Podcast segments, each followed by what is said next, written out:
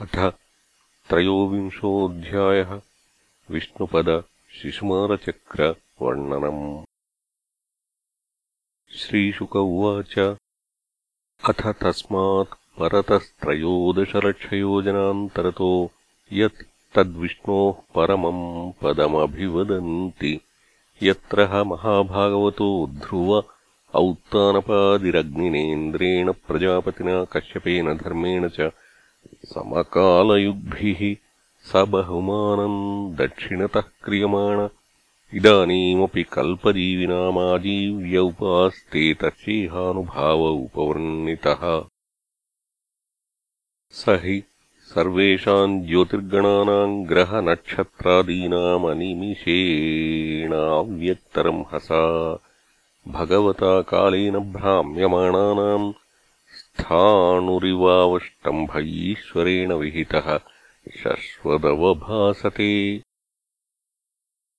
यथा मेढीस्तम्भाक्रमणपशवः संयोजितास्त्रिभिः त्रिभिः सवनैर्यथा स्थानम् मण्डलानि चरन्ति। एवम् भगणा ग्रहादय एतस्मिन्नन्तर्बहिर्योगेन कालचक्रायोजिता ध्रुवमेवावलम्ब्य वायुनोदीर्यमाणा आकल्पान्तम् परिचङ्क्रमन्ति नभसि। यथा मेघाः श्येनादयो वायुवशाः कर्मसारथयः परिवर्तन्ते। एवम् ज्योतिर्गणाः प्रकृतिपुरुषसंयोगानुगृहीताः कर्मनिर्मितगतयो भुवि न पतन्ति केचनैतज्ज्योतिरनीकम् शिशुमारसंस्थानेन भगवतो वासुदेवस्य योगधारणायामनुवर्णयन्ति।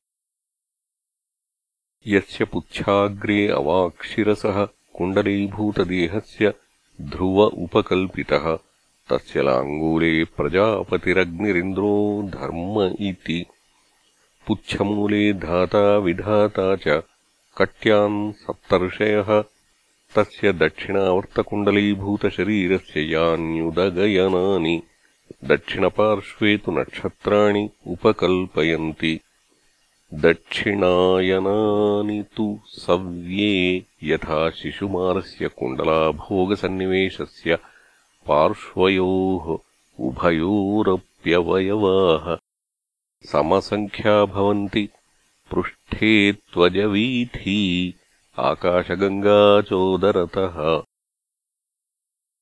पुनर्वसुपुष्यौ दक्षिणवामयोः श्रोण्योरार्द्राश्लेषे च दक्षिणवामयोः पश्चिमयोः पादयोः।